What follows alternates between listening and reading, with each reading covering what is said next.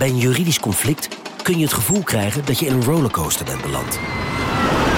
Je wereld staat op zijn kop en je bent de controle even helemaal kwijt. Dan is het fijn als je bent verzekerd bij ARAG.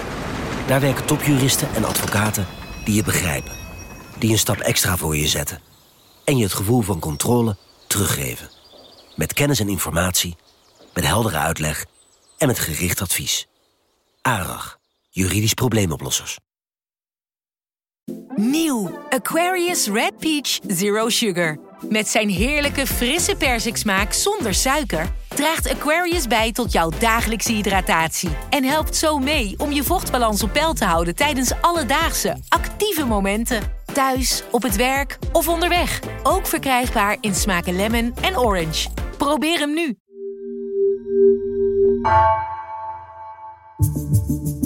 Vanaf de redactie van NRC het verhaal van vandaag. Mijn naam is Floor Boon.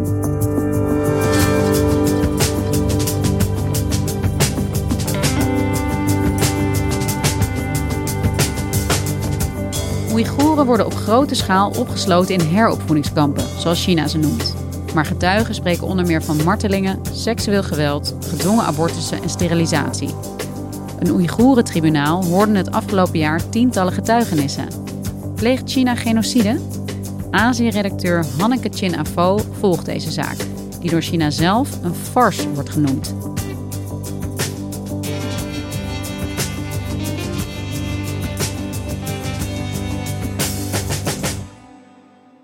Next witness, Mr. Sabi.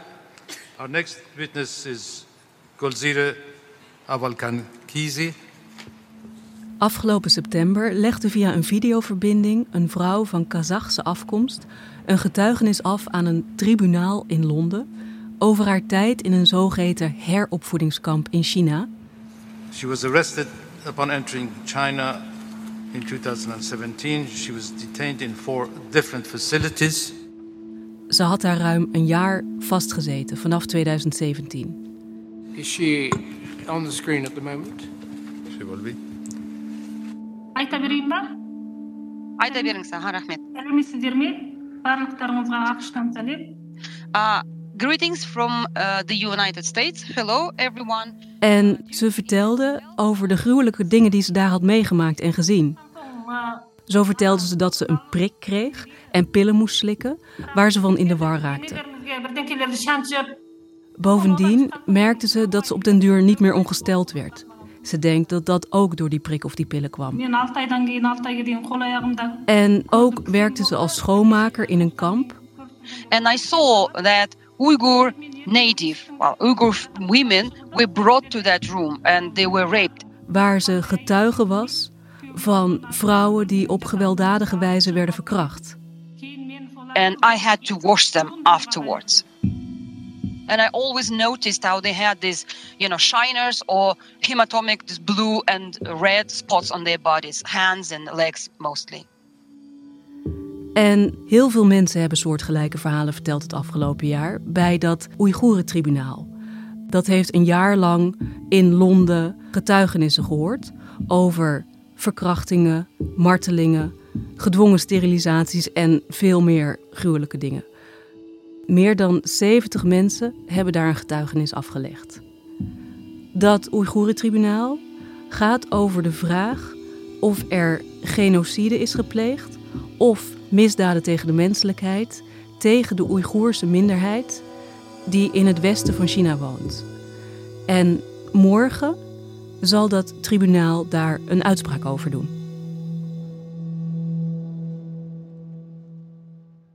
En Hanneke, eh, bij een tribunaal denk ik meteen aan bijvoorbeeld het Joegoslavië-tribunaal. Een plek waar misdadigers worden berecht in een internationale context. Is dit vergelijkbaar daarmee? Het is een soort nagemaakte versie daarvan. Ze doen zoveel mogelijk alsof het wel zo is. Maar het is eigenlijk een neptribunaal. Er zijn bijvoorbeeld geen verdachten die daar terecht staan. En dit tribunaal kan ook niemand naar de gevangenis sturen. Het is wat ze zelf noemen een volkstribunaal. Dus een vertegenwoordiging van het volk, dan wel mensen met expertise, die vaststellen of er een misdaad is begaan. Het is een operatie die ontstaan is uit frustratie van uh, mensen over het lot van de Oeigoeren in die westelijke regio in China, die Xinjiang heet, waar volgens schattingen ergens tussen 1 en 2 miljoen Oeigoeren worden vastgehouden in wat China heropvoedingskampen noemt, maar wat volgens mensen die erin gezeten hebben echt iets heel anders is. Ja, we horen heel veel de laatste tijd over de Oeigoeren in China. Kan jij, Hanneke, ons vertellen wie dit zijn en waarom ze beland zijn op dit punt van heropvoeding of andersoortige onderdrukking? De Oeigoeren zijn een etnische minderheid um, die in, uh, overwegend in de westelijke regio Xinjiang woont. Dat is een heel uitgestrekt gebied dat grenst aan uh, veel Centraal-Aziatische landen, de zogeheten stands, en ook aan Pakistan en Afghanistan. Ze hebben een heel eigen cultuur, uh, een eigen taal. Ze zijn overwegend islamitisch en ze zijn in totaal met ongeveer 12 miljoen. En China ziet, ziet twee problemen met de Oeigoeren. Eén, er zijn jaren geleden terroristische aanslagen gepleegd door Oeigoeren, um, waarbij vele tientallen doden zijn gevallen, waardoor China bang is voor moslimterreur en dat de kop in wil drukken. En het tweede is dat er um, bij delen van de Oeigoerse gemeenschap een sluimerend onafhankelijkheidsverlangen is. En dat is iets waar China helemaal niet tegen kan. En met China bedoelen we de regering in Beijing. En deze Oeigoeren leven dus al eeuwenlang in China. Waarom ziet de regering ze dan nu ineens als nou ja, onwenselijk of als een groep die ze binnenboord moeten houden? De precieze beweegredenen van uh, de overheid om deze campagne nu te starten zijn niet helemaal duidelijk. Maar het is duidelijk wel dat Beijing heeft besloten dat het tijd is om iets te doen om de Oeigoeren bij de rest van China te trekken. Er zijn dus al um, voor 2017, toen die eerste kampen begonnen, um, uh, was het ook al uh, normaal om Han-Chinezen aan te moedigen om zich te vestigen in Xinjiang. Uh, om zo de bevolking diverser te maken daar. Dus ja, het is eigenlijk een etnische groep die wilde zich niet helemaal voegen naar het centrale gezag van China. En daarom probeert China via overheidscampagnes te zorgen dat zij toch onderdeel blijven van ja, het hele Chinese volk. Ja, um, ik zou niet eens zo ver willen gaan dat ze zich niet helemaal willen voegen. Uh, ze deden niet zoveel verkeerd. Ja, je hebt natuurlijk die aanslagen, maar die zijn door kleine groepen gepleegd. Maar het was in elk geval voor China tijd om um, een grote operatie in Xinjiang te beginnen om eens orde op zaken te stellen. Dat is heel erg duidelijk. En hoe ging dat in zijn werk? Wat hebben ze gedaan? Nou, vanaf 2017 werden er dus kampen gebouwd, waarvan China altijd heeft gezegd, en dat tot de dag van vandaag volhoudt, dat zijn onderwijsinstellingen waar mensen die vatbaar zijn voor extremistische gedachten van ons, gratis en voor niks, onderwijs krijgen en klaargemaakt worden om een productief lid van de maatschappij te worden. It's all about perspectives. And many people still have the impression that in China Islamophobia is real and terrorism is not. Dus ze leren er Mandarijn, want dat heb je toch nodig als moderne Chinees. We found 26-year-old Rukia Yakub, who improved her Mandarin and now works as a real estate agent. Je leert er de waarde van de communistische partij en uh, je leert er soms een vak. We met 33-year-old artist Abdul Zikari Albouli, who perfected his painting skills in the Re-Education Center and now works in the gallery. Bovendien, China zegt heel vaak we hebben het merendeel van die mensen alweer vrijgelaten. A top Xinjiang official told us that by now all people have left the education facility. Die zijn al klaar met hun heropvoeding. So next time anyone tells you that China doesn't have a terrorism problem and only an Islamophobia issue, you'd better ask him where he got his data. Maar dan is weer niet helemaal duidelijk waar die dan nu zijn. Ja. Want hoeveel mensen zitten er in die kampen? Ja, de schattingen zijn heel erg ruw van ruim 1 miljoen tot een krappe 2 miljoen mensen. En je wordt er niet toe uitgenodigd om naartoe te gaan. Je wordt er wel echt toe gedwongen. Dat is wel heel duidelijk uit wat getuigen vertellen die erin gezeten hebben en die het land hebben weten te ontvluchten. China kan uh, allerlei argumenten gebruiken om te zeggen: jij moet nu naar een kamp. En soms niet eens een argument. Dan is een familielid gewoon verdwenen. En Hanneke, hoe ziet het er dan uit, zo'n kamp of van die kampen? Wat moet ik me daarbij voorstellen? Ja, um, heel soms. De BBC heeft een keer toegang gekregen tot zo'n kamp. Behind these blue steel walls in a former school is what China calls a vocational training center. But it looks more like a prison. Er zijn inmiddels wel plaatjes van. From above, the grim details can be picked out. Vaak ook vanuit de lucht genomen. Last year, the school had a football pitch. Today, it's covered with what look like accommodation blocks. Het zijn uh, barakken en uh, gemeenschappelijke ruimtes, zeg maar, waarin lesgegeven wordt bijvoorbeeld. Watchtowers are visible. Met wachttorens eromheen en prikkeldraad. En wat gebeurt er? Er wordt steeds meer over bekend. Naar aanleiding van mensen die er dus ingezeten hebben, weer zijn vrijgelaten en op de een of andere manier hebben weten te vluchten. Want het is heel moeilijk om Xinjiang uit te komen, om een paspoort te krijgen en naar buiten te mogen reizen. Dat, dat lukt nu eigenlijk niet meer. Maar mensen die dat in de afgelopen jaren is gebeurd, gaan zich steeds meer uitspreken over ja, nou, ernstige mensenrechten schendingen in die kampen. En waar moet ik dan aan denken? Um, er zijn veel verhalen over martelingen en allerlei vormen van seksueel geweld. Verkrachtingen, groepsverkrachtingen, gedwongen sterilisaties, gedwongen abortussen. En er zijn ook wel verhalen over dat mensen het soms niet overleven.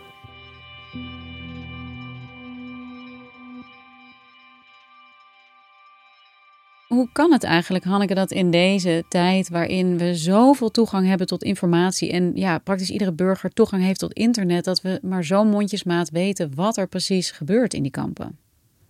China heeft een hele infrastructuur gebouwd om alle informatie uit die kampen gewoon in Xinjiang te houden. met politiecontroles, overal hangen ook camera's. Iemand die uit zo'n kamp komt weet dat hij in de gaten wordt gehouden. Als mensen vluchten, wat dus maar heel moeilijk lukt, en in de diaspora terechtkomen, dan zitten ze daar ook vaak met angst en beven over hun achtergebleven familieleden. Want alleen al het feit dat zij gevlucht zijn, kan familieleden worden aangerekend. Dus die uh, kunnen ook worden opgepakt. En daarbij komt dat het heel erg moeilijk is voor onafhankelijke journalisten om toegang te krijgen tot de regio. En als je daar dus naartoe reist, onze correspondent heeft dat gedaan, dan word je A heel goed in de gaten gehouden en B niemand zal zijn verhaal tegen jou durven te doen, omdat ze weten dat dat ook gezien wordt. Uh, genoeg reden, als je dit zo vertelt allemaal, voor een tribunaal of in ieder geval iets om onafhankelijk vast te stellen wat zich daar afspeelt in die regio. Maar je noemde het net een neptribunaal. Hoe zit dat dan? Ja, het is onmogelijk om uh, degene die dit organiseren of uitvoeren voor een internationale rechter te krijgen. En dat komt doordat um, de instituten die we hiervoor hebben geen rechtsmacht hebben in China. Dit tribunaal is opgericht omdat het internationaal recht eigenlijk geen goede handvatten heeft om degene die dit op hun geweten hebben te berechten. Je hebt twee plekken waar je in theorie terecht zou kunnen: het Internationaal Gerechtshof en het Internationaal Strafhof. Beide zijn gevestigd in Den Haag, maar beide hebben geen rechtsmacht over deze situatie, omdat China ze niet als zodanig erkent.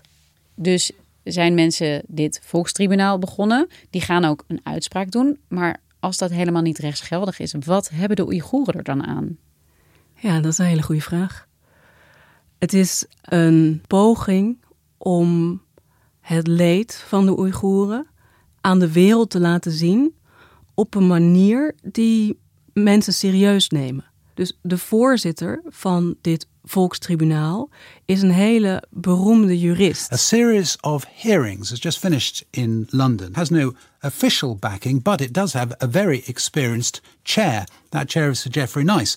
Sir Geoffrey Nice, die bekend is van zijn werk voor het Joegoslavië-tribunaal. Human rights barrister, who was the lead prosecutor in the trial, trial of Slobodan uh, Milosevic. En zijn statuur maakt dat deze exercitie toch enigszins serieus te nemen is. And is on the line now. So Jeffrey, good morning. Good morning. En het tweede ding is, die getuigenissen, om die zo allemaal achter elkaar in het openbaar te horen, maakt het leed van de Oeigoeren op de een of andere manier onontkoombaar. Providing a nugget, if you will, of uh, undoubted truth should encourage everyone or oblige everyone to act in accordance with their duties. En dat zegt ook Jeffrey Nice. Het dwingt ons om te kijken naar wat er met de Oeigoeren gebeurt. En vervolgens is het dan aan overheden en bedrijven om te kijken wat ze met die kennis doen. And we all have duties, not just governments. We all have duties in respect of the suffering of our fellow men. Sir Jeffrey Nice, thank you very much. Ja, en Hanneke, morgen komt die uitspraak. Wat verwacht jij hiervan? Um, het tribunaal beantwoordt twee vragen. Is hier sprake van misdaden tegen de menselijkheid? Of is hier sprake van genocide? En het is niet van tevoren mm, heel duidelijk te zeggen dat er sprake is van genocide in Xinjiang. Want er zijn, voor zover wij weten, geen massagraven bijvoorbeeld. Nee, maar je vertelde wel over gedwongen abortus en sterilisaties. Uh, dat is natuurlijk ook een manier om voor mensen om zich niet meer voor te planten. Ja, en een manier om genocide te plegen is volgens de internationale wetteksten dus ook het voorkomen van geboorte in een groep. Nou kun je uit die getuigenissen echt wel afleiden dat dit plaatsvindt. De vraag is op welke schaal en met welk doel.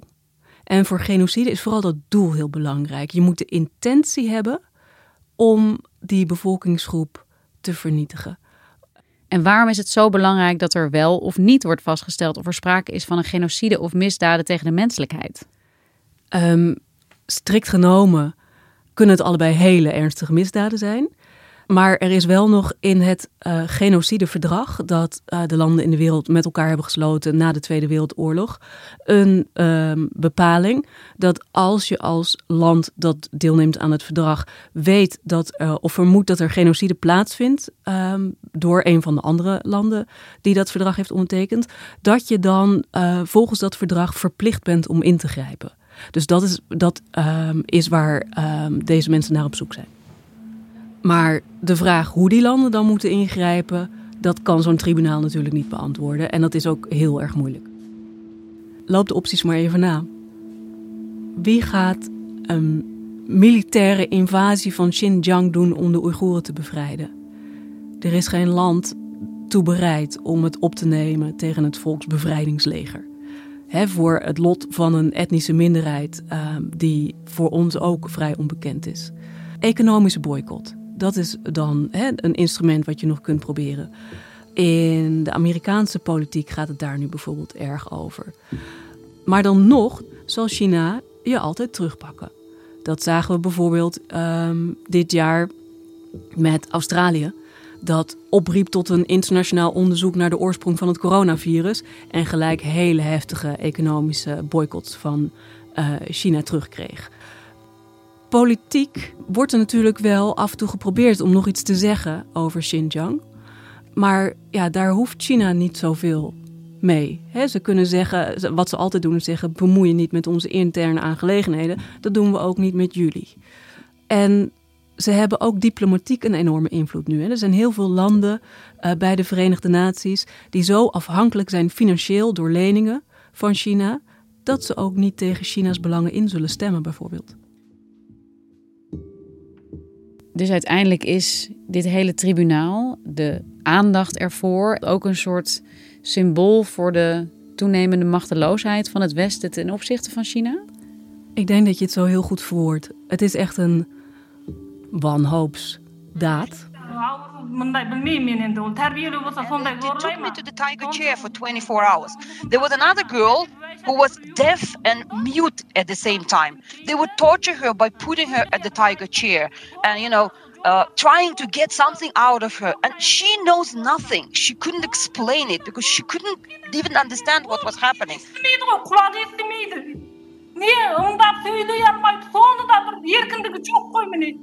So they tortured us, you know, right and left. And this is no re-education camp. This is not education.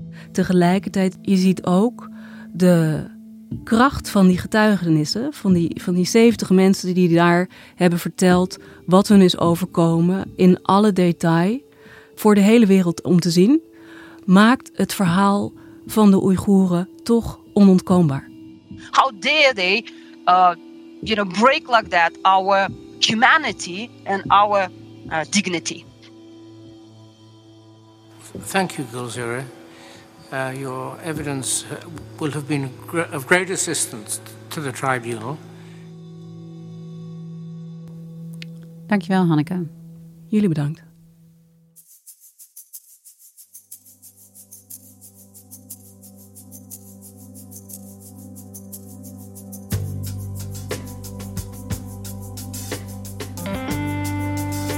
Je luisterde naar vandaag, een podcast van NRC.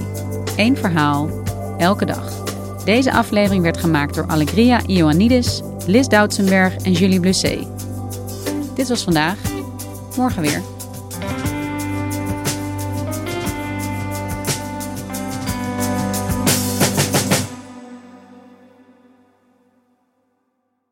Een maatschappij waarin iedereen meedoet. Een gezonde, groene en rechtvaardige wereld. Daar willen jij en heel veel andere mensen best iets aan bijdragen. In het klein en in het groot. Dicht bij huis en ver weg. Zo hebben we vorig jaar 349 miljoen euro bij elkaar gebracht. Miljoenen waarmee onze goede doelenpartners de wereld elke dag een beetje beter kunnen maken. Nationale Postcode Loterij. Samen voor een betere wereld.